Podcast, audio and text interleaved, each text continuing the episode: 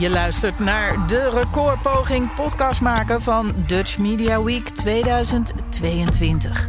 Samen met bekende en onbekende podcastmakers probeert het Mediafestival van Nederland om het wereldrecord podcast maken te vestigen. Als onderdeel daarvan stelt Dutch Media Week 2022 met grote trots aan u voor.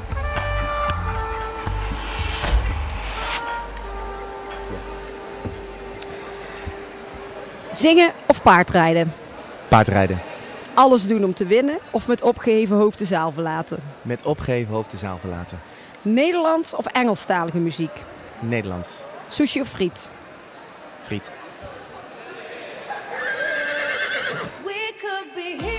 Leuk dat je luistert naar Horse Heroes. De podcast waarin Floor Schoenmakers van EHS Communications in een persoonlijk gesprek gaat met een hypische ondernemer. Elke week kun je luisteren naar interviews met één of meerdere gasten. Of meeluisteren naar de belevenissen tijdens hypische evenementen in de Horse Heroes Specials. We gaan beginnen. Hij is een fanatiek springruiter en trainer met een eigen trainingstal vol paarden, honden en twee minivarkens. Hij rijdt veel wedstrijden, geeft clinics en shows door het hele land. Sinds 2015 zingt hij samen met zijn vader bij de Havenzangers. En was hij een deelnemer in het televisieprogramma De Alleskunner dit seizoen. Daarnaast is hij erg actief op social media en een veelgevraagde gast in hypische blogs en panels. Hij is gedreven, houdt van humor, een mensenmens en heeft het belang van zijn paarden altijd voorop staan. Deze week is mijn gast, de alleskunner, Wesley Mulder. Yay! Yay, hey Wes. Ik wou zeggen, klinkt als Wesley. Het klinkt als Wesley. Wij zitten even op een hele gekke plek vandaag. Ja, echt hè?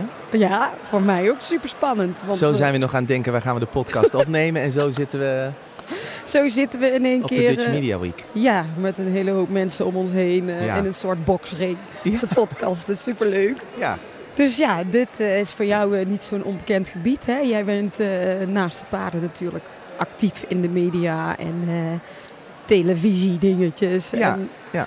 En met de zang komen we dadelijk allemaal op. Dus Ja. ik vond het eigenlijk wel heel, heel eh, toepasselijk dat juist jij vandaag eh, mijn gast bent eigenlijk. eh, in, deze, in deze bijzondere opname. Ja. Wes, we gaan even beginnen bij het begin. Terug naar, de, naar het verleden. oei, oei. Kun jij mij vertellen waar jij bent opgegroeid? Ja, ik ben opgegroeid in Apeldoorn. En ehm, in een, nou, grotendeels in een eh, nieuwbouwwijk Osseveld. En eh, met de school op loopafstand, de basisschool. Ehm, en geen paarden bij huis. Maar wel van jongs af aan direct eigenlijk al van klein, ja, van klein kind, zeg maar al paardje, paardje, paardje. Was eigenlijk al wel direct mijn lievelingsdier. Eh, mijn vader komt van, nou, meer van het boerenland, zeg maar. Die had vroeger ook paarden. Maar heeft daarvan niks meegenomen eigenlijk naar, naar ons huis. Dus eh, het zit echt eh, in het bloed, zeg maar, dat ik eh, dus zo gek ben van paarden.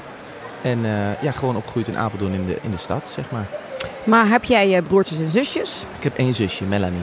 En heeft zij ook iets met paarden? En zij heeft vroeger wel gereden. Maar ehm, zij was niet zo fanatiek als ik uiteindelijk. Maar je groeit op in de stad. Ja. Dus waar heb jij je eerste paard ontmoet? Ehm, maar ja, ik denk, als ik helemaal terug moet denken, is dat die eh, gespikkelde in eh, Ponypark Slagharen, waar iedereen een foto van heeft hangen. Die eh, zo'n beetje, nou ja, van mijn leeftijd is sowieso. En wij hadden in de buurt bij ons, in Apeldoorn Noord was dat, daar zat een, een boer. En die had, ja, ik denk wel 30 paarden en ponies. En dan kon je dan voor 5 euro per dag, kon je daar naartoe. ja. En dan kon je een beetje met die ponies, nou ja, ouwehoeren zeg maar. En eh daar ging ik mee met twee buurmeisjes bij ons. En daar heb ik eigenlijk een half jaar of een jaar gelopen. En toen eh, ging ik naar de manege, Pothoven. Maar jouw ouders, zei je net, die hebben eigenlijk allebei helemaal niks met paarden. Ja, mijn vader wel. Mijn vader heeft vroeger altijd gereden. Ja. Tot aan 16, 17, want toen begon hij bij de havenzangers. En eh, toen nou, vond men toen dat hij dan moest kiezen of paardrijden of zingen. En dat is eh, zingen geworden. ja.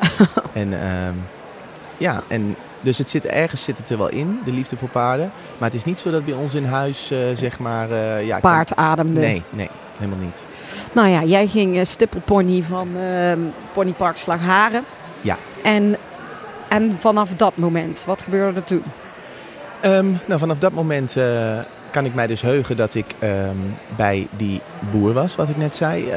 Zo'n beetje een half jaar, drie kwart jaar heb ik daar wel gelopen. Met de buurmeisjes, die waren een stuk ouder. En toen kwam ik op Manege Pothoven in Apeldoorn. En ehm, vervolgens ehm, heb ik daar denk ik een jaar, drie kwart jaar gereden. En toen eh, kochten mijn ouders een pony. Quinter, die is helaas eh, afgelopen januari overleden. Ehm, en Quinter die eh, werd gekocht uit een weiland, was drie jaar oud. Die was van Jan Hamers en Jan gaf les op de manege. Zo kwamen mijn ouders er ook aan. En Quinter was alles behalve gezellig. Oh. Dus Quinter was eh, zielig, want die stond in de weiland alleen. Dus mijn vader dacht, die, nou, die koop ik voor Wesley. En, eh, maar Quinter was eh, gewoon, nou, plat gezegd, eh kei Dus, kei wild. en ik, ik zat net een jaar, zo'n beetje anderhalf jaar zat ik erop. Dus ik viel meer dan dat ik erop kon blijven zitten. Nou, hoe oud was jij toen? Negen. Oh, echt? En dan Ja. krijg je een drie jaar. En een driejarige Ah ja, is D-pony. idee. D, grote D. Kijk hoe die deed. Dat was een keigoede idee. en, ehm, dus ik lag meer in het zand dan dat ik erop zat. En toen op een gegeven moment, mijn moeder had daar wel, want die had nogal wat angst. Dus als mijn moeder dan bij de bak kwam en ik lag weer in het zand, dan zei iedereen in de kantine, eerst voordat ze naar beneden ging, luister Mario, als hij nou straks hè, huilt of wat, dat is wel zielig, maar hij moet er weer op, anders worden ze bang. Dus mijn moeder kwam direct naar mij toe gelopen en die zei, wil je er nog op? Ik zeg nee. Oh, dat hoeft ook niet. Zegt ze, kom maar mee naar boven, krijg je frietjes en een fristie. Mijn moeder was al lang blij. En ehm, toen is er een meisje bijgekomen die wat ouder was. En die ging Quinten wat meer rijden. Want mijn ouders zeiden op een gegeven moment, zullen hem dan verkopen en een, een, een bravere pony uitkiezen. Maar dat wou ik niet, want ik was wel gek met hem. En eh, dus Quinter is gebleven. Dat heeft zo'n beetje een jaar geduurd. Ik denk toen hij 4,5 was of zo. Toen kon ik de... Ik reed dan onder haar begeleiding en zij reed eerst en dan ik erop. En eh, nou, daarna heb ik eigenlijk best wel voor toen de tijd en de middelen die wij toen hadden en daaraan spandeerden, best wel veel succes met hem gehad. En hij is altijd gebleven. Ik heb hem ook nooit willen verkopen. Nee. En hij is net in januari eh, overleden op 30-jarige leeftijd. Wauw, dat Ja. is wel super gaaf. Ja. Maar moet je kijken dat je eigenlijk met zo'n pony eh, vallen en opstaan eh, de Ja. hele basis hebt gelegd. Ja, en dat was een heel andere tijd. Want toen werden wij 's ochtends vroeg, toen had je nog NPC, KNF en al die losse verenigingen en BVR. En toen Ja. wou ik graag eh regiokampioenschap rijden. was geen plek meer, want we waren natuurlijk te laat. En toen werd ik 's ochtends opgebeld om half acht met... hé, hey, er is een plekje vrijgekomen, je kan rijden. Oké, hoe laat? Ja, eh, kwart over negen. Nou, wij hup in de auto naar Vaassen geknald, want daar stond hij. Weer naar Pothoven, en daar was de wedstrijd. En dan kwam je gewoon met modder aan de benen, eh, kwam de trailer uit. En dan schaamde ik mij dood. Ik had niet eens knotjes in, want er was geen tijd voor. Eh, maar Quinten won wel twee keer daar Ja. de proeven. En mocht wel naar het NK. En zo is het eigenlijk wel een beetje begonnen ook dat ik nu wel eens om me heen kijk en dat ik denk... Nou, het draait eigenlijk alleen om de hele mooie cap soms bij heel veel die erop zitten. En denk ja, vroeger ging het gewoon om het paardrijden. En ik, Ja. ik wou dan gewoon de wedstrijd. En nu zouden kinderen zeggen, ja, maar ik ga niet met modder aan de benen. Nee, dat gaan we niet. Nee. Dat gaan we. En ik wou gewoon rijden. Dus ik dacht, nou ja, modder aan de benen of niet. Dus kiezen of delen. Rijden of thuis blijven. Dus we gingen rijden. Maar dat was eh, waar eigenlijk de hele basis mee begonnen met deze pony. Ja. Wanneer werd het wat eh, serieuzer? Nou, dat kwam eigenlijk eh, vanuit de pony kreeg ik een paard. Het oude paard van mijn vader. Nou, Mhm. dat was ook niet echt wilde, als ik het oude ben. paard van jou. Heeft jouw vader zijn paard altijd gehouden wel? Nou, nee, maar toen ik dus weer ging rijden... Toen kreeg mijn vader, liep natuurlijk doelloos op die manege rond. Die dacht, ja, daar wil ik eigenlijk ook wel wat te doen hebben. Dus mijn vader kocht voor de hobby ook een paard. Oh, Nou, dat was ook een rampenplan, want daar kon je ook niet op blijven zitten. Maar goed, dat is TZT ook opgelost. En ehm, die Mary, eh, ik ging toen, toen papa toch niet meer zoveel reed, eh, naar mij toe. Dus daar heb ik een beetje mee gereden. Maar die was eigenlijk niet heel geschikt voor de sport. Die was wat te heet en ja, dat was allemaal niet wat. Maar dat was een periode, dat eh, was voor ons als gezin zeg maar een wat mindere tijd. Dus er was op dat moment, na heel veel jaren dat alles kon, kon een heel aantal jaren helemaal niets. Behalve de paarden behouden. En uiteindelijk is, is die ook verkocht, omdat het en niet geschikt was. En nou, het was gewoon moeilijk om het allemaal vol te houden. En ehm, ja, toen had ik eigenlijk eh, op dat moment weinig aan serieus eh, materiaal. En toen ben ik gaan werken. Vanuit school, vanuit de Groene Welle ben ik gaan werken, want ik wou toch graag op paard zitten. En ik was wel handig en ik kon goed dressuur rijden. Dus toen ging ik voor een springruiter in Twente, Nouri Dijks. Die was toen nog jong. Ging voor zijn ouders, reed ik Nouri's paarden dressuur. En hun zouden mij helpen met springen, want ik wou graag springen. en toen was je 18. Ja, 17, 18, zoiets. Ja. Dus en de Groene Welle heb je afgemaakt? Nee, ik heb Nee. niks afgemaakt. Oh, Nee, ik kwam er wel vrij snel achter dat, dat ik op school niet eh, ging vinden wat ik graag wou. nee. En eh, achteraf denk ik, had ik misschien wel wat anders kunnen doen. Maar had je niet een soort iets wat je later wilde worden? Ja, paarden. Ik wou gewoon iets met paarden. Dat wist je Dus, gewoon en al. ik had mijzelf voorgenomen dat ik wil een eigen stal. Ja. En jouw ouders stonden daar wel achter. Ja, maar op dat moment was er geen idee van hoe. Dus wij gingen naar opleidingen toe en dan hoorden mijn ouders wel, ja, het is wel moeilijk en het is dit en het is dat. Ja, mijn ouders zeiden dan, ja, Wesley wil paarden. En die hebben mij nooit echt daarin... Kijk, mijn, mijn ouders hebben ook nooit echt bijvoorbeeld gezegd als ik thuis kwam van, eh, moet jij geen huiswerk maken? Of moet jij niet dit? En ik- uiteindelijk was het altijd ook wel voor elkaar. Alleen wel soms vaak op het laatste moment. Ja. En ehm, ik moet zeggen, op de middelbare school hadden ze dat al wel aardig eh, goed. Mijn eh, laatste mentor, meneer Boekhoorn, vergeet ik nooit meer. Die, ehm, die, die zei in zijn toespraak tegen mij bij de diploma-uitreiking precies een beetje zoals ik in elkaar zat. En het is ook uiteindelijk wel zo, eh, zo, zo, zo gelopen. Wat Ja. zei die? Nou, hij zei tegen mij van, eh, dat ik, ehm, even in korte woorden, 9 van de 10 keer niet de dingetjes voor elkaar had die ik moest voor elkaar hebben op dat moment. En dat ze dan wel eens dachten, hoe gaat hij dit ooit nog oplossen? Maar op het moment suprem dat ik dus dan mijn examen moest doen, dan deed ik toch mijn verhaaltje. Bijvoorbeeld een mondeling. We hadden een week voor het mondeling examen een oefening. En toen pikte die mij eruit en ik ging zitten. Ik had geen idee welke boeken we moesten. eh, niks, helemaal nul. En nou, dat was binnen vijf minuten afgelopen. En eh, een week later doe ik het mondeling en toen zat hij tegenover me. En toen zegt hij tegen mij, meneer Mulder, ik weet niet hoe u dit gedaan heeft. Maar dit was erg goed, u krijgt een 9. Dat was en de grote daar had ik vier boeken. De grote improvisatieshow. nou, daar zei hij dus ook. Toen zei hij, waarschijnlijk wordt het op school en iets heel, zeg maar, ehm, hoe noem je dat, exact niet. Want dat was niet mijn ding. Maar hij zegt, gebruik alle talenten die je hebt en dan kom je een heel eind. Ja. En dat is ook waar ik zeg maar eh, mijn dingetje uitgeput heb. Dus eh, uit mijn, ja, talent vind ik een gek woord. Maar uit de dingetjes die ik kan heb ik eh, optimaal benut. Althans proberen optimaal te benutten. Dus altijd die ene leraar in het achterhoofd. Heb je toch Ja. iets meegekregen van school? Ja, ja. Nou ja, eh, je stopte bij de Groene Wellen. Je was 18. Je, ging, je hebt een tijdje dressuur gereden, zei je. Dat vond Ja. je toch niet eh, helemaal jouw ding. Nee. Waarom niet? Nou, om- vooral om het wereldje een beetje ook die eromheen zit. En ik vond springen op dat moment eh, nou ja, een stukje uitdagender. Ehm, het hele... Ik, ik kijk nog steeds graag dressuur. Ik heb ook één of twee dressuurpaarden. Dat zeg ik altijd een beetje gekscherend voor de hobby. Hm. Ehm, ik heb ook vrij veel dressuurklanten, in die zin om les te geven. Ehm, maar ik vind het hele spel, ook als ik dus kijk zeg maar, naar de Grand Prix bijvoorbeeld, vind ik best leuk om een paar combinaties te kijken. En als je dan echt op de inhoud kijkt en op de rijerij en op de fijne dingen wat wij dus als paardenmensen kunnen, zie je ook, zie je ook veel. Maar voor de gemiddelde mens is het gewoon doodsaai. Ja. En eh, dat had ik op die leeftijd ook. En toen wou ik graag springen. Dus, toen ging je springen. Toen ging ik springen. En toen had mijn vader opgetreden op het CSI Geesteren. En daar had hij Gert-Jan Brugink ontmoet. Oh, en maar- toen had hij, ja, want jouw vader, dat is wel heel even leuk om even dat, dat nu al een stukje van te vertellen. Want je haalde het net al aan. Hè. Hij eh, is een haafzanger of van de 1.0 eh, van, de, van de originele versie, ja, die Ja. van 60 jaar geleden. Ja. Ja. dat is hij ooit begonnen. Nou, hij is eh, zeg maar zo goed als aan het begin erbij ingekomen.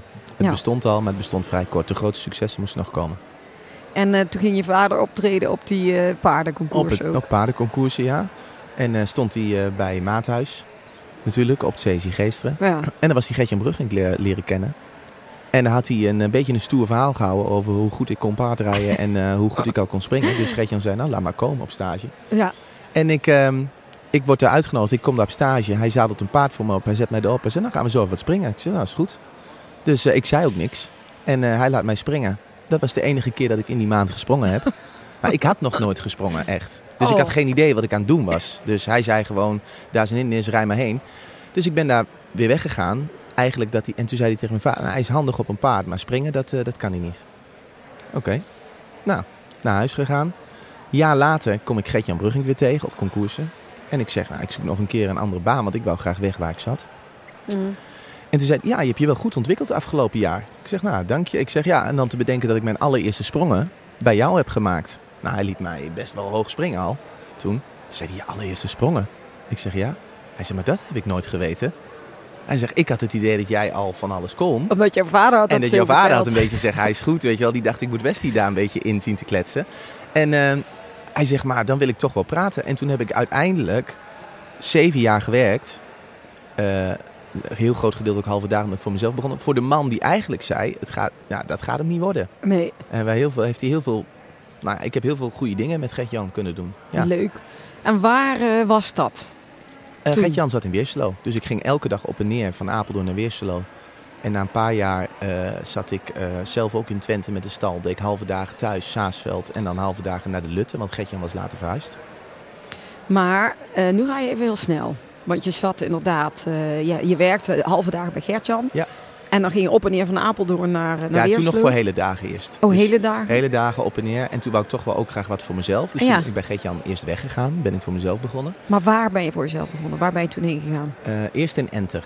Dat is een beetje halverwege eh, nou, tussen Apeldoorn en, eh, en echt Twente, zeg maar. Ben je stal gaan huren? Ja.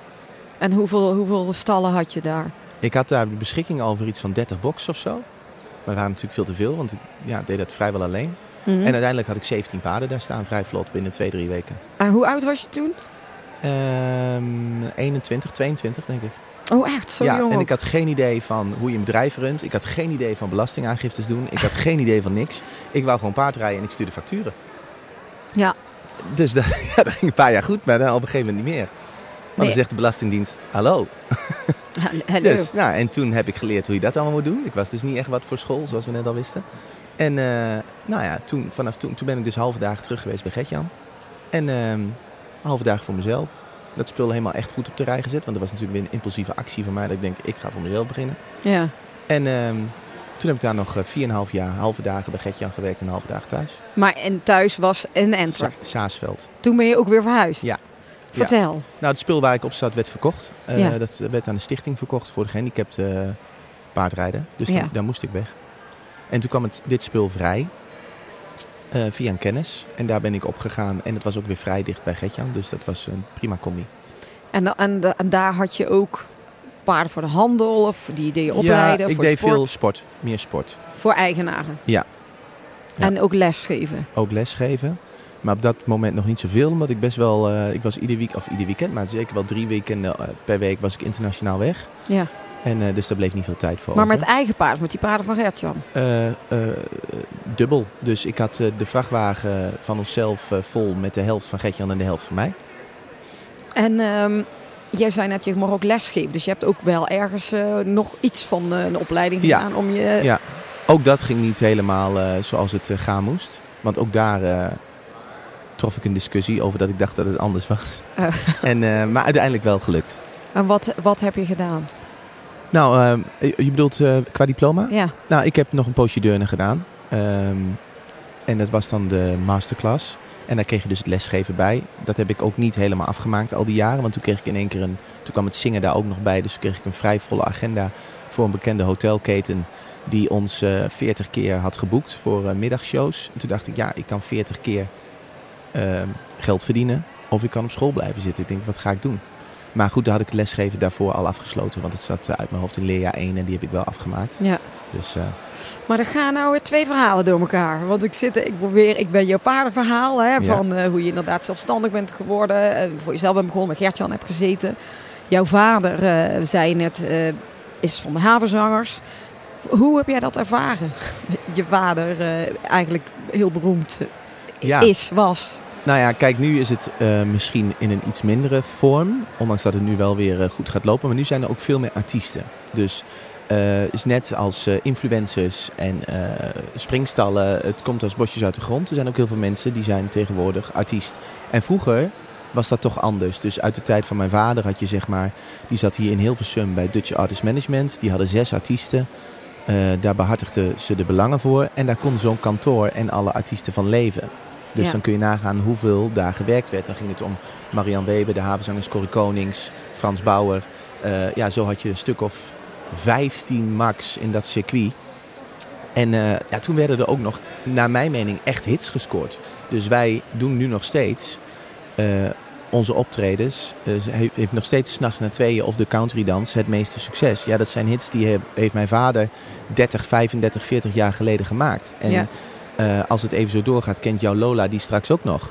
Dus wij zeggen al gekscherend, soms de havenzangers wie is er niet groot mee geworden. Ja. Maar van oma tot kind, ja, kent kinderen lopen nu ook in de Polonaise op s'nachts na tweeën. Maar hoe, hoe heb jij dat ervaren? Want als je dan eh, ja, jonger bent en je vader Ja. is zo'n eh, feest Ja, dat was Café, niet heel leuk altijd. Nee? Nou, op school, hij had natuurlijk klompen aan en een kiel aan. Ja. Maar er werd soms voorbij gegaan aan natuurlijk de gigantische verkopen wat de havenzangers gedaan heeft. Dat is eigenlijk een van de allergrootste grootste bands verkoop eh, die eh, Nederland gehad heeft.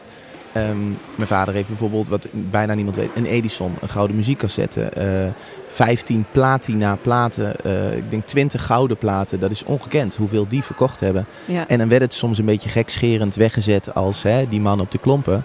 Ja, mijn vader heeft jaren gedraaid met gewoon 380 boekingen steenvast erin. En eh, ja, zonder navigatie, zonder dingen, gewoon heel Nederland doorgekrost. Dat was Ja. een heel andere tijd. Ja. En dan eh, werden ze wel eens gekscherend de hazenvangers genoemd of boeren op die klompen. En op school was dat natuurlijk helemaal niet zo heel eh, leuk. Want ik kom in Apeldoorn uit de stad en mijn vader liep op klompen. Totdat hij dan primetime op RTL 4 op tv was geweest. En zagen ze, hey, ik zag je vader op tv. Dan was het in één keer wel superstoer.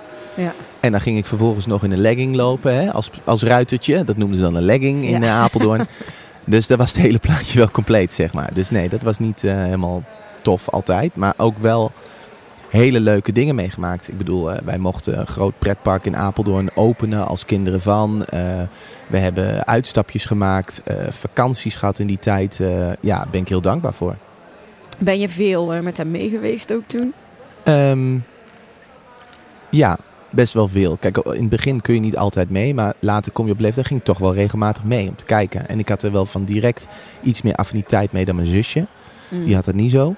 Ehm, maar ja, ik vond toch altijd wel, eh, ja, het had wel wat.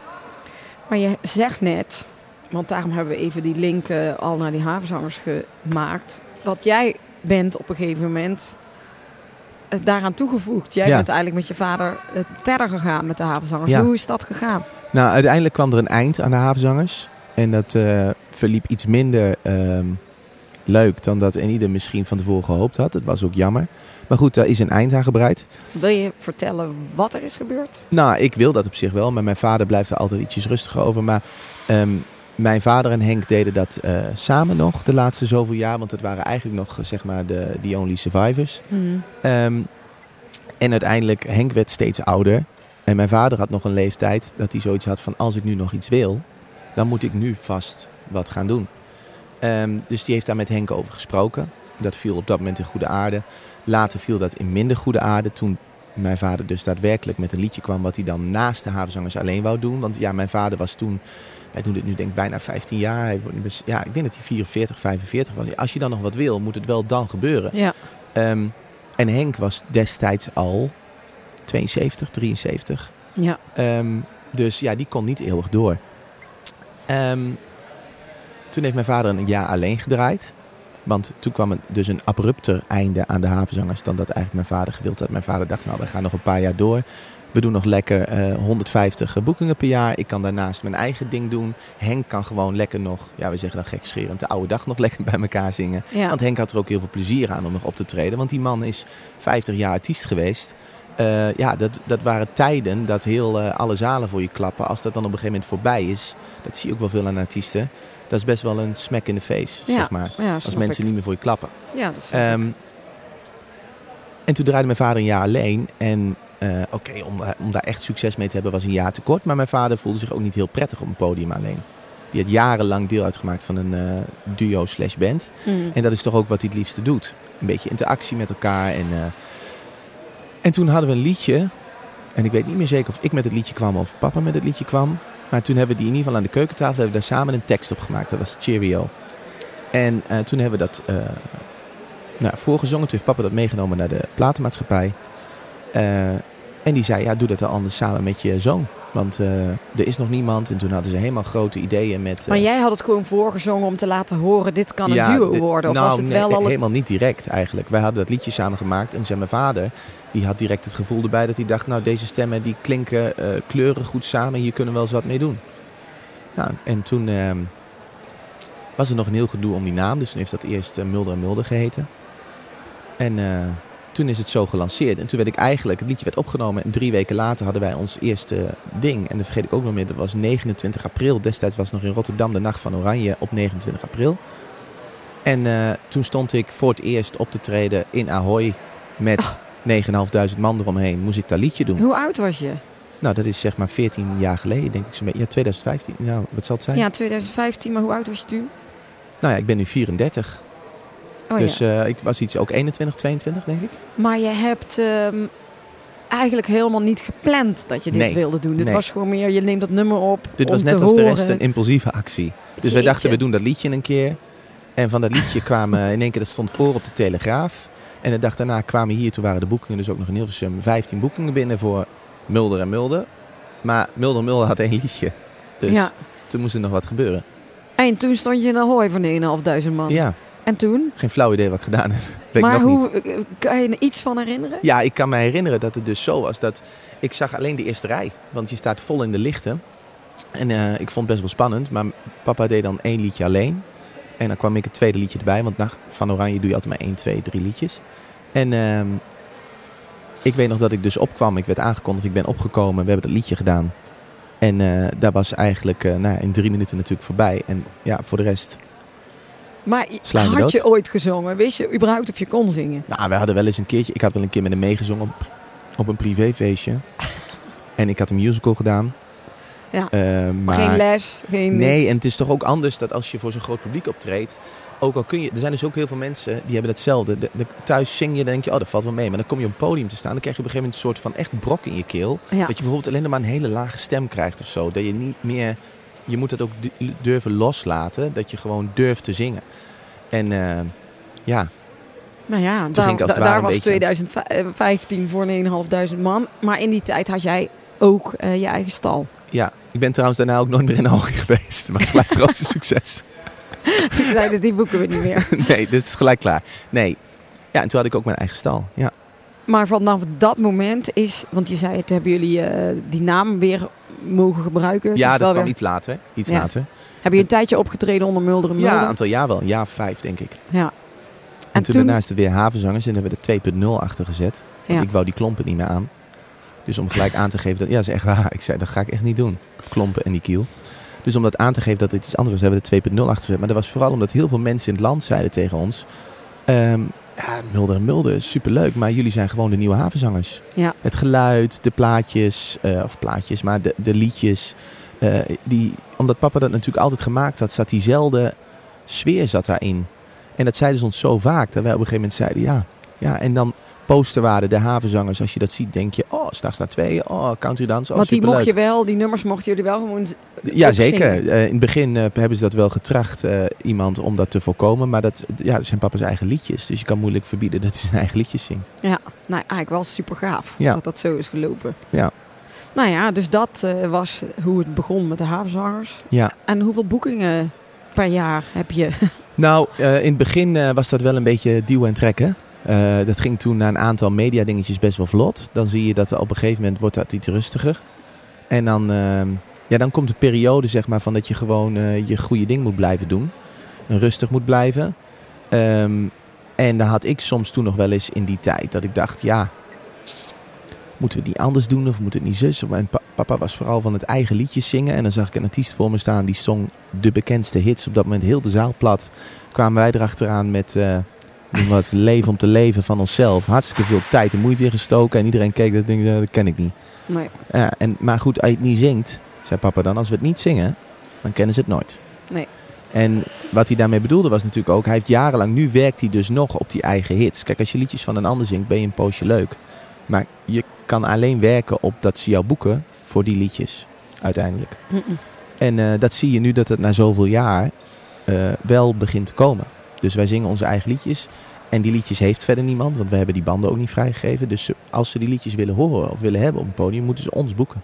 Ja. En ja, dat gebeurt dan ook. Dus het was heel wat jaren wel eh mieren martelen om de boel weer aan de gang te krijgen. En ik moet zeggen, daar heb ik ook best wel veel, ehm, sowieso natuurlijk wel respect voor je vader, maar dat is dus heel groot geweest. Die havenzang is echt heel groot. En als je dan zoveel jaar later weer, in dit geval met je zoon, op stap Ja. gaat en aan het steggelen gaat om die boel nog een keer aan de gang te krijgen, dat ik wel eens gedacht heb, waarom doe je dat eigenlijk? Waarom? En dan voor een half lege zaal, voor een hele lege zaal, voor een vollere zaal. eh, maar gewoon dat ik dacht, waarom wil je nog een keer dit doen? Heb je hem het ooit gevraagd? Nou, niet helemaal met zoveel woorden. Maar ja, ik, ik hoef het eigenlijk ook niet te vragen, want ja, hij doet het gewoon heel graag. En ehm, als hij morgen niet meer geboekt wordt om, te, om op te treden, dan wil hij nog zingen of muziek maken. En dat is wel het verschil tussen mijn vader en ik. Ik denk dat ik geboren ben, of ik heb het gevoel dat ik geboren ben om iets met paarden te doen. En ik vind het heel leuk om erbij te zingen. Ja. Maar als ik morgen moet kiezen, nooit meer op een paard zitten of nooit meer een microfoon vasthouden, dan is die keus voor mij vrij snel gemaakt. Dan hou ik nooit een microfoon vast. Zing ik wel in de, in de douche. Boeit me Ja. niks. Maar voor mijn vader is het echt zijn leven. Die is ook echt muzikant. Die, Ja. die, die, die zit ergens en dan krijgt hij een idee en dan wil hij iets bespelen. Dan wil hij daar iets mee doen. Ik heb, ik heb dat niet zo. Maar voor hem, als je even in zijn schoenen gaat staan, dat hij dit kan doen met jou, dat is natuurlijk wel goud voor hem. Hè? Dat hij dit zijn droom en dan met zijn Ja. zoon en samen optreden, dat Ja. is natuurlijk wel mega bijzonder dat jullie dat samen doen. Ja, en er zijn heel veel dingen die zeg maar nooit uitgesproken worden. En daarmee bedoel ik eh, dingen die, die misschien niet gezegd worden. Maar ik weet ook zeker dat ergens de drijfdracht er zit dat hij denkt, ik maak dit nog een keer aan de gang. En dan kan Wesley daar hopelijk nog zoveel jaar mee verder. En dan heb je, eh, nou ja, een toekomst, klinkt stom. Maar ik bedoel, ja, dan heb je, dan kan hij dat weer doorgeven. Ik denk wel dat dat er ook heel erg eh, bij, los van het feit dat hij het heel leuk vindt om te doen. Ja, maar dan als stel over eh 100 jaar jouw vader er ooit niet meer is. Ja. Zou jij doorgaan? Ja, dat weet ik dus niet. Want de havenzangers zonder jullie, ja. dat lijkt me ook gek. Ja, dat klopt. Maar ja, aan de andere kant, zoveel jaar terug, de havenzangers zonder papa en Henk. Eh, Ja, maar Was dat was ook niet gek. vader en zoon. nee, klopt. Maar ja, ik, ik weet het niet. Ik weet niet of ik dan doorga. Nee. Eh, hij heeft toevallig, eh, ik denk dat het een jaar geleden is. Toen zei hij tegen mij in de auto: Heb je wel eens nagedacht wat je wil als ik het niet meer wil doen? Ik zei: Nee, eigenlijk niet. Hij zegt: ja, Wil je dan met iemand anders verder of wil je alleen verder? Of... Ik zeg: Ik heb geen idee.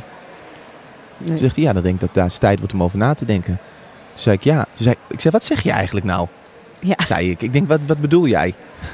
Nee, niks, zegt hij. Maar het is wel goed om daar een keer over na te denken.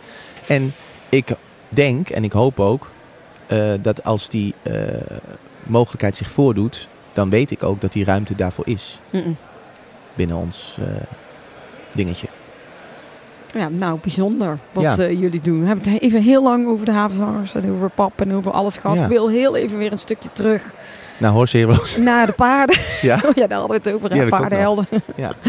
Nee, ehm 2015 begon dit allemaal met Ja. havenzangers. Naast jouw hele eh, carrière in de sport, hè, wat je aan het Ja. doen bent. 2018 was een belangrijk jaar voor jou. Er kwam een grote droom uit. Je mocht het Nederlandse team vertegenwoordigen. Ja. ja. Vertel eens over die periode.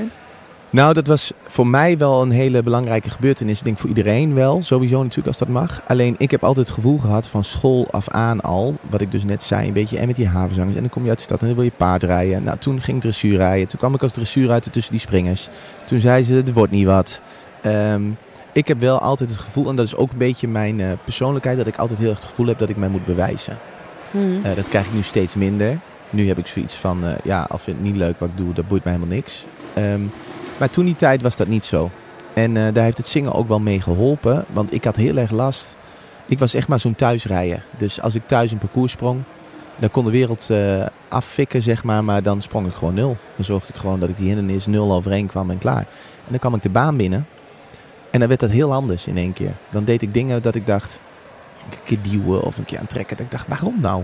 Omdat niet- er mensen naar je keken. ja, en daar had ik heel erg moeite mee. Omdat ze van, eigenlijk van begin af aan zeiden heel veel mensen altijd...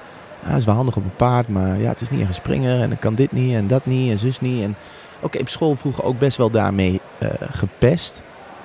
Ehm, Ah, ik wou het net vragen, van, heb je Ja. zoiets ervaren Ja. dat je altijd anders hebt gevoeld? ja, be- best wel. En ehm, dan op een gegeven moment, daar, dat is denk ik ook waarom ik zo gek ben met paarden. Omdat ik dus, dat dus bij paarden he- helemaal niet heb. Ehm, en nu hebben heel veel mensen in mijn omgeving, eh, weet ik, als je mensen vraagt in mijn omgeving, dat die heel erg zeggen, ja Wesley heeft altijd een hele klik met dieren. Ja, dat, dat, heb ik ook. En ik heb gewoon minder snel een klik met mensen. En dan word je soms wel weggezet als of vervelend of eh, niet gezellig. Of, en ik ben wel gezellig, maar ehm, ja, ik heb, ik, heb, ik heb gewoon niet zo snel die klik met, of met mensen. Omdat ik altijd een beetje op mijn hoede ben of zo. Ja, en dat is toch gek, want zo kom je helemaal niet over. Nee, dat klopt. En en dat, is, heeft het zingen mij geleerd. Ja. Ik kan nu heel goed ergens binnenlopen en gewoon heel... Vroeger kwam ik ergens binnen en dan dacht ik altijd... Goh, eh, oh ja, wat zal die van me denken? Of wat zal die... En nu denk ik gewoon, ik kom, ik kom gewoon binnen en ik, ja, ik kan maar één ding doen. Dat is gewoon zijn wie ik ben. En als ik het niet leuk vind, vind ik het niet leuk. Maar dat heb ik wel moeten leren. En op sommige momenten komt dat nog een keertje terug. Ja. Ehm, bijvoorbeeld even een korte dingen eh, bij de Alleskunner. Daar komt eh, TZT ergens iets terug. Dat ik dan eh, dat gevoel een beetje me op wordt, roept. Waar je dan emotioneel van wordt. Terwijl dat helemaal niet zo is op dat moment. Maar dat, ja, dat, op een of andere manier komt dat terug.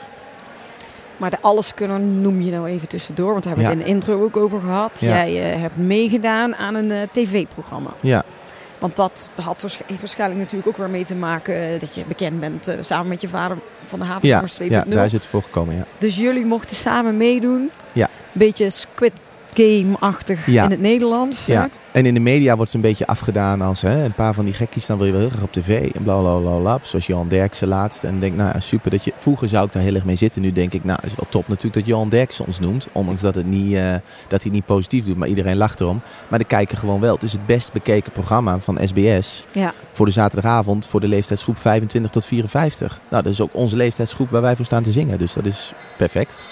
Ehm, maar het is inderdaad wel een. ehm, het is niet te bevatten als je erin zit, want je zit daar dus eh, elf dagen. Hm. Als je het helemaal afmaakt, zit je daar elf dagen. eh, in een hotel. En dan overdag mag je geen telefoon bij je hebben. En overdag speel je die spellen met elkaar. In no time heb je daar het gevoel dat een aantal van die mensen je beste vrienden zijn. Ja. Ehm, voor mij was dat dus ook heel fijn, omdat ik dus... Ik kan niet tien goede vrienden opnoemen bij mij. Ehm, en dan bedoel ik echt goede vrienden. Omdat, ja, ik ben altijd met mijn paarden, met mijn dieren. Dus ik heb er een aantal, maar niet heel veel. En daar had ik echt het gevoel dat ik dacht... Wauw, iedereen vindt mij hier leuk, aardig, gezellig. eh, gewoon top. En dan ga je heel snel in die spellen. Komt daar een stukje, ook al is het een ijsblokje... wat afgelopen week op tv was... een ijsblokje laten smelten en een rode clownsneus opzetten. Als je die Ja. terugziet, denk je... Ja, wat doe je allemaal voor een beetje aandacht? Maar dat voelt daar niet zo. Met die wijnbal. Ja, met die wijnbal. En oké, dat soort dingen heb ik wel getracht om niet mijn verstand te... En sommigen gingen daar heel hard in. Dat ze dachten door, door, door. En dat wou ik ook graag. Maar Nel Donders, de moeder van Roy, zat er ook in. En Ja. die zei op een gegeven moment elke keer tegen mij... Wesley, maak je eigen niet druk. Je hoeft niet eerste te zijn als je maar niet laatste bent. Ja. Dan ben je weer door naar volgende week. Toen dacht ik, ja, ik hoef helemaal geen eerste te zijn. Dat dacht ik vroeger ook. Wou ik ook altijd vooraan, zodat men dacht, oh, dat is toch wel goed. Ehm, nu denk ik, ah, ik maar geen laatste ben. Dat is ook goed. Ja. Dus, en dan, als ik geen laatste was, was ik elk spel, ben je dan door. Ja. Nou ja, en die, die, die ehm, drive heb ik mij eh, voorgehouden. Ja, maar je zei eigenlijk wat daar gebeurde, omdat je zo intens met een groep mensen zit, zonder telefoon, zonder buitenwereld, dat het heel snel het gevoel i- is Ja. dat je daar helemaal bevriend mee eh, wordt. Ja, bijvoorbeeld heel veel mensen staan dan te huilen op tv als ze weggaan. En als je dan op de bank zit op zaterdagavond, gewoon nuchter, of met twee wijnen op, dan denk je, wat maak je je eigen druk? Het is een spelletje. Dus Nou ja, je kan natuurlijk niet voelen hoe eh, intens die, is daar heel die anders. periode... Ja, Het is één bubbel. En ook nu hebben we een grote groepsapp en iedereen is nog steeds zo druk met elkaar. En eh, ja, je hebt het gevoel dat je elkaar 30 jaar kent. Ja. Maar er is wel daar, eh, je hebt wel met, eh, met Job bijvoorbeeld Ja, met Job, een heel ja. leuk contact gehouden. Hè? Ja, en Job had natuurlijk vroeger die meegeheet Jij bent de zon. Ja, En, superleuk. Job wil niet per se meer zingen, want die heeft nu een supermooie horecazaak in Zeist. Ja. Maar mijn vader die kwam met het idee, zei, als we nou nog dat liedje een keer doen, dat zou toch leuk zijn, een keer een nieuwe versie. En dan doen we het vanuit de alles kunnen. En dan zei Job, is goed. Job zei dan op zijn is goed pik, is jouw project, doe maar. en ik doe wel mee. Dus papa is dat gaan doen. En ja, daar is, die is nu net uit. En hij is nu vijf dagen, op dit moment, vijf, dit is de vijfde dag dat hij uit is. En hij is volgens mij over de 10.000 keer al op YouTube bekeken. En ik kan Spotify dan een beetje achter de dingen eh, zien. Daar is hij ook al over de 10.000 keer heen. Dus eh superleuk. ja, dat is wel grappig dat dat Ja. er dan weer uitkomt. Zijn we weer eh, van de paarden af. Ja, we komen vanzelf weer. We komen vanzelf weer terug. komen we zelf weer terug. Ja, het ging over 2018. Jij ging het Nederlandse team Ja. vertegenwoordigen. En dat het voor jou een moeilijk, moeilijke periode was, zei je. Ja, nou ja, moeilijk. Dat was wel een bevestiging eh, dat je er wel toe doet, zeg maar. En dan merk je in één keer, dan kom je in een heel ander circuit. Dan Ja. kom je op concoursen en dan kreeg je op dat moment telefoon van Rob. Ik weet nog goed waar ik liep. Ik liep in Apeldoorn in de stad met mijn moeder, de doeklas in. En toen ging de telefoon en er stond op Rob Erens. En toen dacht ik, Oh jee. oh jee. En toen belde hij op en zei hij, Wesley, hoe is het? Ik zeg, goed, met jou Rob. Ja, goed. paardengoed? Ik zeg, ja, paardengoed. Hij zei, zou jij eh Drammen Nations Cup willen rijden met Twister? Dus dacht ik, zou jij Drammen Nations Cup? Ik denk, natuurlijk wil ik net. Ik zei, ja, ik denk dat dat wel kan. zei ik. ik denk, ja, moet niet natuurlijk, want er staat ook een beetje gekkie.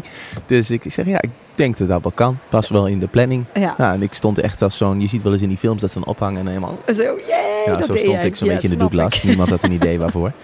En ehm, ja, dus eh, dat, was, eh, dat was dat. En toen heb ik dat gedaan. En ook daar heb ik weer van gemerkt, op dat moment nog in die proef, dat ging goed hoor. Ik bedoel, ik was en niet het wegstreepresultaat. En we waren heel mooi vierde met het team. Was een superleuk team. Met Lisa Nori, Jens van Grunsven, eh je Vrieling.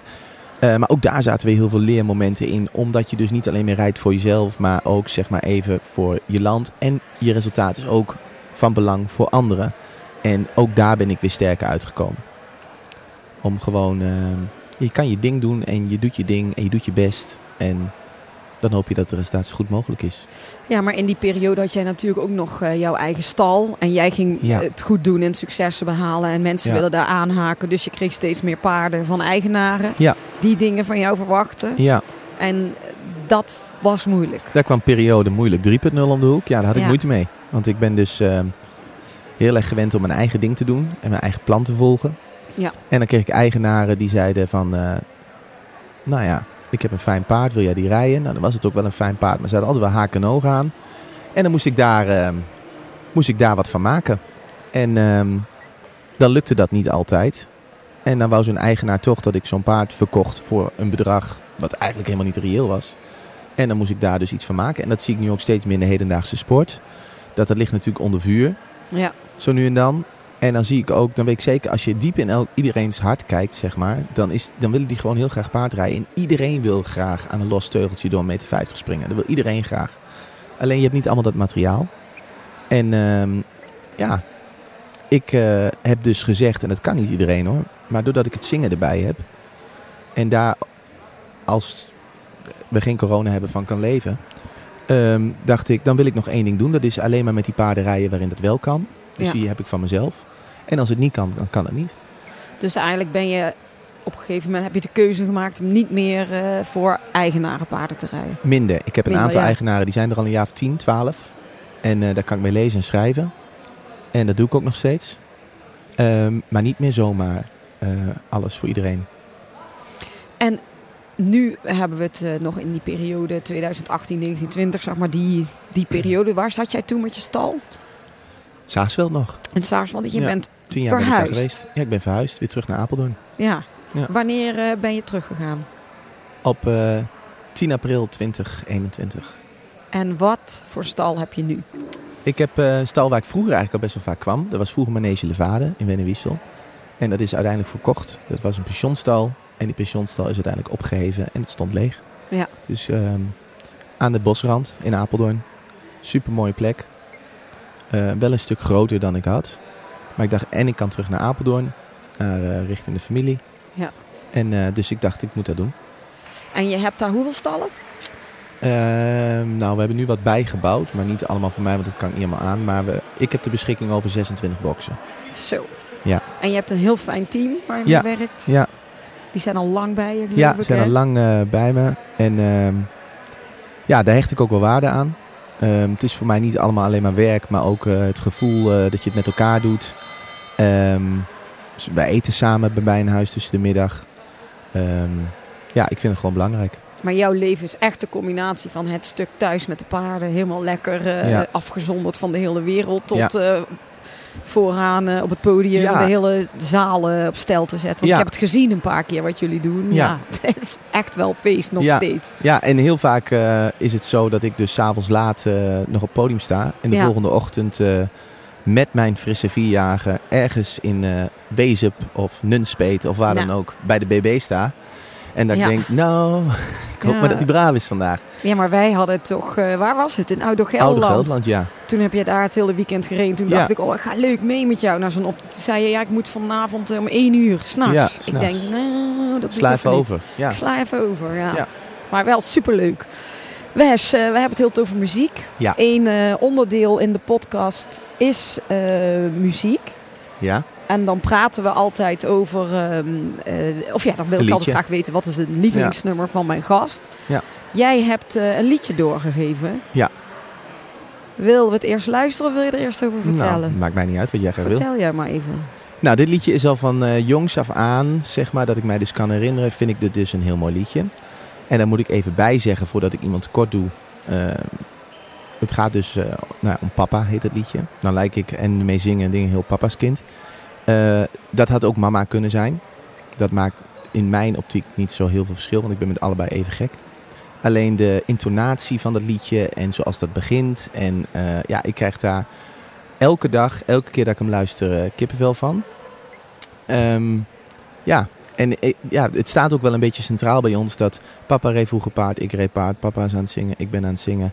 En ik heb daar ook bij de Alles Kunnen wel gezegd, met bepaalde dingen die ik kon zeggen, hoe ga je dit doen? En toen zei ik, ja, ik heb eigenlijk geen idee, want normaal als ik zoiets moet doen, dan bel ik papa.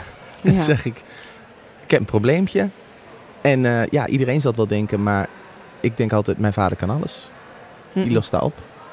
En dat ja, heeft hij ook altijd gedaan.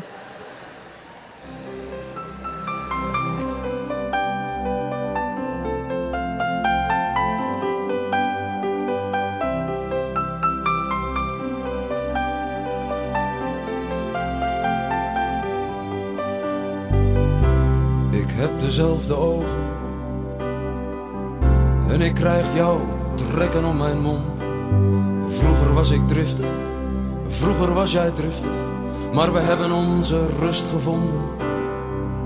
En we zitten naast elkaar en we zeggen niet zoveel. Voor alles wat jij doet heb ik hetzelfde ritueel. Papa, ik lijk steeds meer op jou. Ik heb dezelfde handen. En ik krijg jouw rimpels in mijn huid. Jij hebt jouw idee, ik heb mijn idee. En we zwerven in gedachten, maar we komen altijd thuis. De waarheid die je zocht en die je nooit hebt gevonden. Ik zoek haar ook en te vergeefs, zolang ik leef. Want papa, ik lijk steeds meer op jou.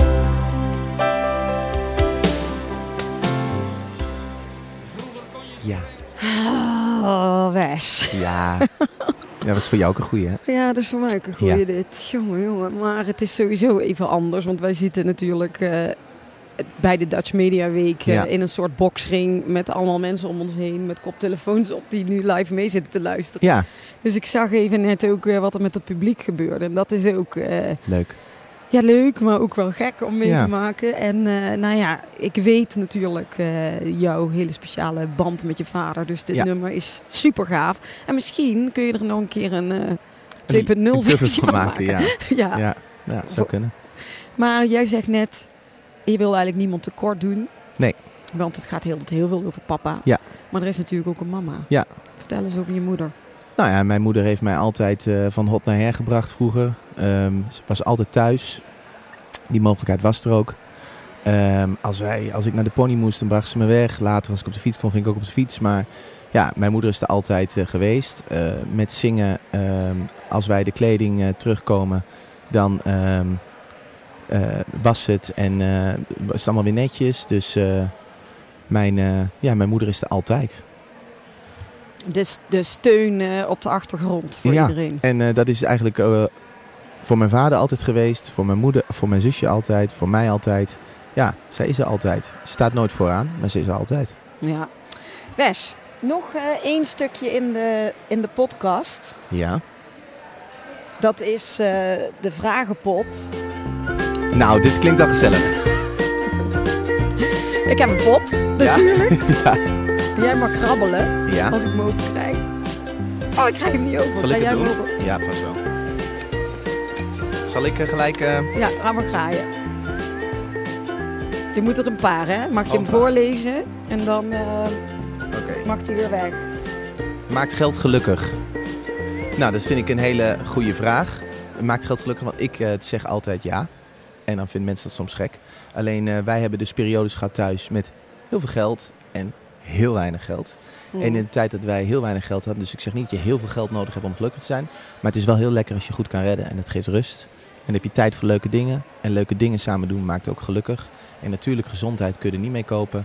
Maar dat staat sowieso los van geld. Maar geld brengt wel wat. Ja, Het is handig om het te is hebben. zeker handig. Zeker. En eh, het is lekker als je 's ochtends op kan staan en niet denkt, hoe ga ik deze maand hypotheek bij elkaar krijgen? Want daar word je niet gelukkige mens van. Nee. Oké. Goed antwoord. Ja, Heel diep, heel diep grabbelen. ik ga zo dieper. Ben je liever lang en dik of klein en atletisch? Mag ik vragen in welke hoek ik dit moet zoeken? Staat dat serieus? Ja, er staat ben je liever lang en dik of klein en atletisch. Dus ik zou weten in welke hoek dat moet zijn, want dan kan ik mijn antwoord op baseren. Als ruiter, als ruiter. Nou, als ruiter zijnde eh, is klein en atletisch makkelijker. En ik zeg niet dat ik lang en dik ben, maar ik ben wel vrij lang. En als klein en atletisch, zoals Michaeltje van de Vleuten, zeg maar, ja, die, pa- ja, die kan overal op zitten, eh, paarden. Eh, en dat staat altijd. Ja, klopt. Dus, ja. ik ga iets dieper grabbelen, want eh, die, die bovenop zitten gekke vragen. Met welk beroemd persoon zou jij een dag willen ruilen? Ehm, ik heb eigenlijk geen idee, maar eigenlijk wel een soort van Amerikaanse Hollywoodster of zo. Wie? Ja, ik, ja, Madonna. nou ja, bijvoorbeeld, of eh, weet ik veel, Mick Jagger of zo. Eh, dat, hele, echt dat hele ruige leven wat die geleid hebben. Ja, ik ben wel een keer... eh, En dan, ik, ik, daar ik op het vind die documentaires staan. ook altijd wel fascinerend. Zoals een Robbie Williams of dat soort dingen. Echt die, die sterren, sterren. Ja, lijkt me wel een keer vet dat heel de wereld jouw naam kent en eh, roept. En dan daarna gauw weer terug. Want De hele wereld hè, is anders dan in Nederland. De havenzangers. ja, is wat anders. Wereldberoemd in Nederland. Ja. Wereldberoemd in Nederland. Wes, wij krijgen seintjes dat ik hem eh, af moet gaan sluiten. Oh jee, oh jee. Ik zei toch dat het uur zo vol was met mij? Ja, dat is altijd zo mij. Ja. Ik heb hier een, een, een, dingetje waar ik dacht dat ik nog langer de tijd had. Maar dit, Oh. dit klopt niet helemaal.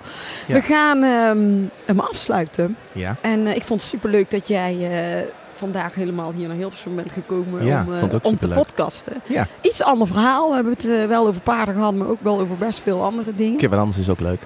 En eh, ik wil nog één laatste vraag als afsluiter. Wat zijn jouw toekomstplannen? Mijn toekomstplannen zijn hopelijk met mijn eigen paarden die nu nog wat jong zijn, nog een keer terug naar het hoogste niveau. Ehm, omdat ik toch wel heel graag mee wil doen in de sport. En denk dat dat ook kan. En ik hoop met mijn vader, met de havenzangers, nog een keer het succes te kunnen evenaren wat ze gedaan hebben. Eh, op een ander niveau misschien of op een andere, eh, nou ja, andere setting. Maar gewoon eh, vooral plezier hebben in de dingen die ik doe. En Mhm. eh, dat ik hopelijk zo gezegend mag blijven dat ik mijn geld kan verdienen met de dingen die ik heel graag doe. ja, ik denk dat dat goed komt. Ik hoop het. Wes, als mensen meer over jou willen weten, Ja? waar kunnen ze... Kunnen Je ze kijken op de website van eh, Go Social Media? nee, ik heb een website en eh, Instagram en eh zet ik allemaal leuke dingen op, vind ik zelf. Dus Gewoon Wesley Mulder official. Official. ja. Goed. Lieve Wes, ja dankjewel voor, voor vandaag. Jij En, bedankt. iedereen bedankt voor het luisteren vanuit Hilversum tijdens de Dutch Media Week op het podium. Ehm, tot volgende week met Tot weer een nieuwe week. aflevering.